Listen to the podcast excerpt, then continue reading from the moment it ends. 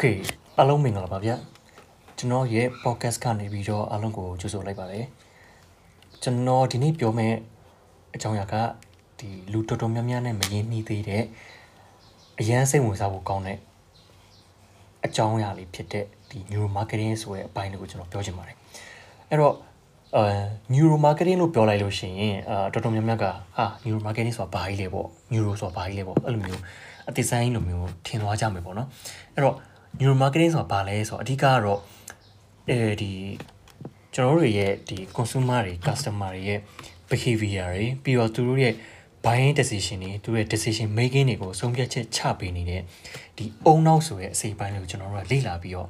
marketing လုပ်တဲ့အရာကိုကျွန်တော်တို့က neuro marketing လို့ခေါ်တယ်အဲ့တော့ဒါက neuro marketing ပေါ့နော်ဒါမြန်မာလိုပြောတာအဲ့တော့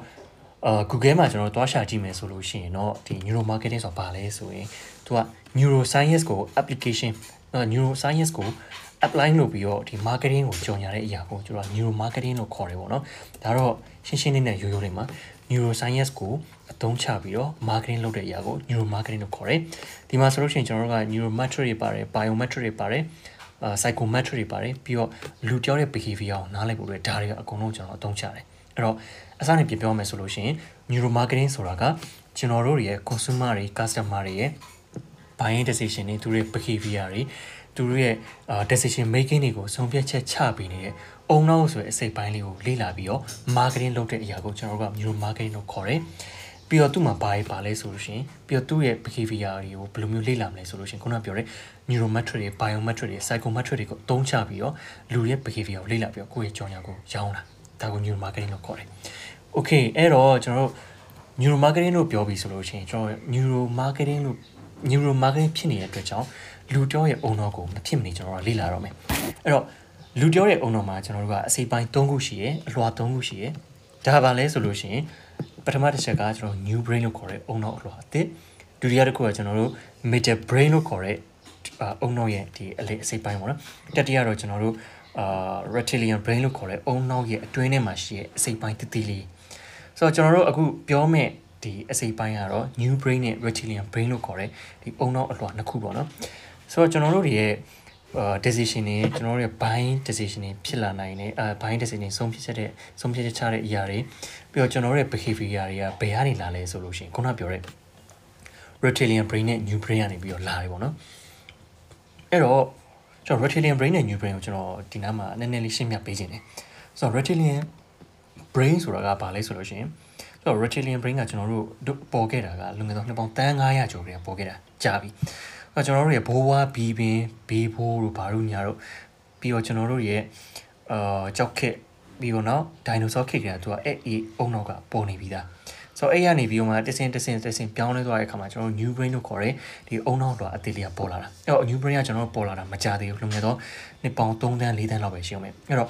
new brain နဲ့ reptilian brain ကဘယ်ဟာပူပြီးကြာနေပြီလဲလို့ပြောလို့ရှိရင် reptilian brain ကကျွန်တော်ပေါ်ခဲ့တာကြာပြီ။အိုးနှစ်ပေါင်းတန်900ကျော်ခဲ့ရ။အဲကျွန်တော် reptilian brain ကဘာကြီးပါလဲပေါ့နော် reptilian brain ဆိုတာဘာကြီးလဲပေါ့။ reptilian brain ဆိုတာကကျွန်တော်တို့ရဲ့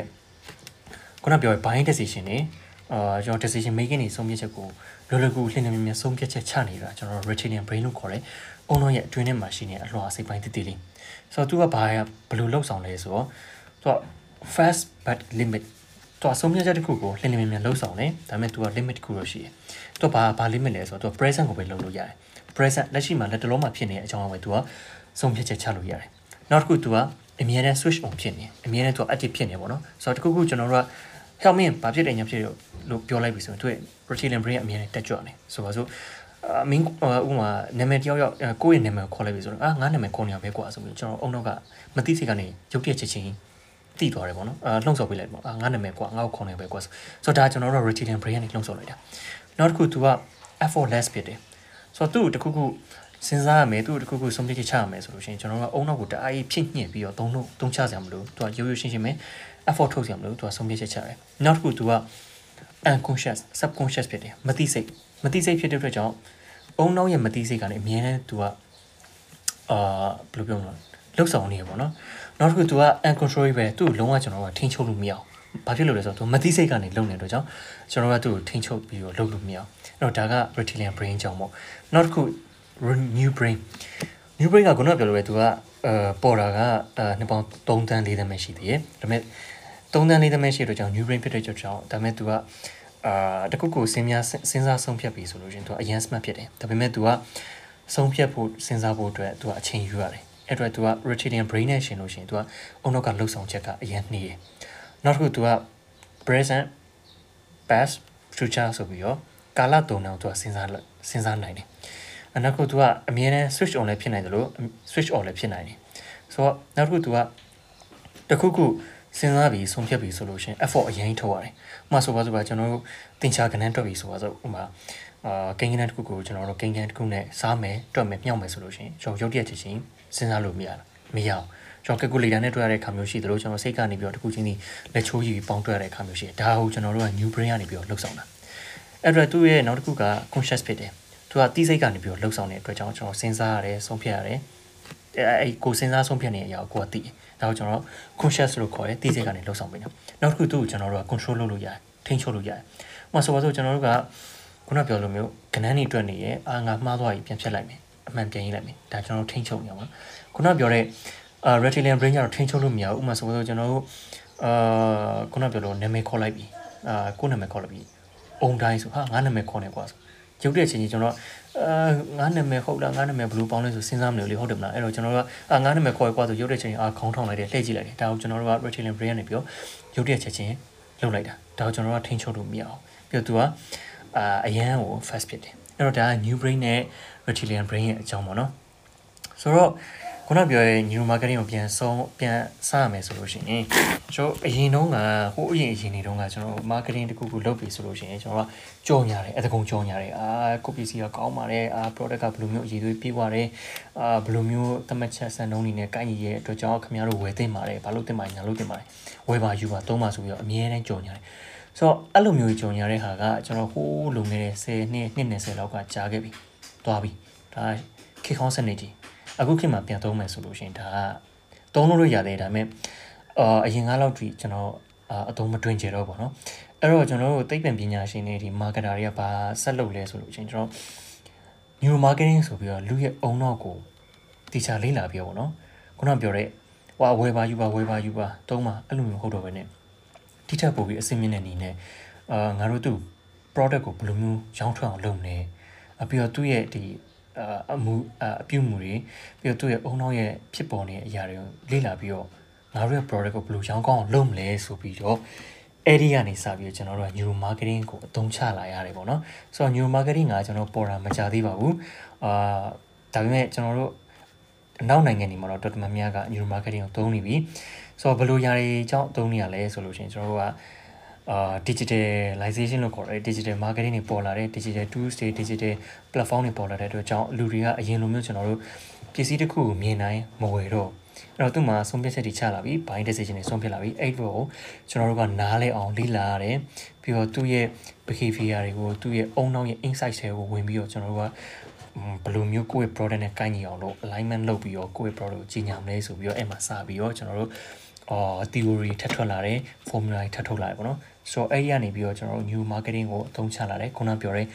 digital marketing digital platform မှာကျွန်တော်တို့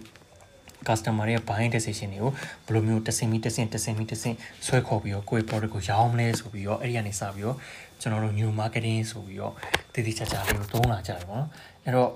new marketing ကတော့အနှစ်ချုပ်ကတော့ဒါပဲပေါ့နော် အဲ့တော့အာကျွန်တော်တို့ရဲ့ product ကိုရောင်းမယ်ဆိုလို့ရှိရင်လူတယောက်ရဲ့ psychology လူတယောက်ရဲ့အုံနောက်ကိုတီးမှကျွန်တော်တို့ရဲ့ product ကိုသူများတွေထဲဘယ်လိုမျိုးရောင်းထွက်အောင်လုပ်မလဲဆိုတဲ့အဆင့်ကအရင်ကလိုအပ်လာပါပြီဒီတော့ကြောင့်ကျွန်တော်တို့အာနောက်ပိုင်းနေနောက်ပိုင်းနေဆိုတဲ့နောက်ထပ်အာ9နှစ်10နှစ်အတွင်းမှာ neuro marketing ကအရင်ကတွင်ကျလာပါလိမ့်မယ်ပြီးလို့ရှိရင် အာကျွန်တော် product ကိုပဲဖြစ်စေ service ကိုပဲဖြစ်စေဒီတိုင်းဝုံတိုင်းဆိုပြီးရောင်းတာတဲ့ neuro marketing ဒီလူရဲ့ psychology အုံနောက်ကိုအသုံးချပြီးရောင်းတာကကိုယ့်အတွက်ပို့ပြီးတော့အခွင့်အလမ်းပိုများလိုက်တယ်သူတို့ကိုယ့်အတွက်ပို့ပြီးတော့လည်းအာသူများထက်ပို့ပြီးတော့ market ကလည်းအရန်ကိုရောင်းအာ market ကလည်းပို့ပြီးတော့ရှေ့ကိုပြေးနေမှာပေါ့နော်အဲ့အတွက်ကြောင့် new marketing ကလေးလာတဲ့ set ဖြတ်ထဲမှာတခုပါလာပြီအာလေးကိုလေးလာမယ်ပေါ့နော်အနည်းဆုံးကျွန်တော်တို့ရဲ့လူရဲ့ decision တွေပိုင်း behavior ဘယ်လိုဆုံးဖြတ်ချက်ချလဲဆိုတဲ့အကြောင်းအကူမသိမဖြစ်သိအောင်လေးလာဖို့တော့လိုတယ်လို့တော့ကျွန်တော်တို့ကဒီမှာပြောချင်ပါတယ်အာအဲ့အတွက်ကြောင့်ဒီ new marketing နဲ့သက်ဆိုင်တဲ့အကြောင်းအကူကျွန်တော်ပြည့်ပြည့်စုံစုံကတော့ကျွန်တော်နောက်ဖွင့်မဲ့ကျွန်တော်ရဲ့ဒီ online class မှာသင်ဖို့အတွက်ရှိရယ် new marketing လည်းပါမယ်ပြီးတော့ new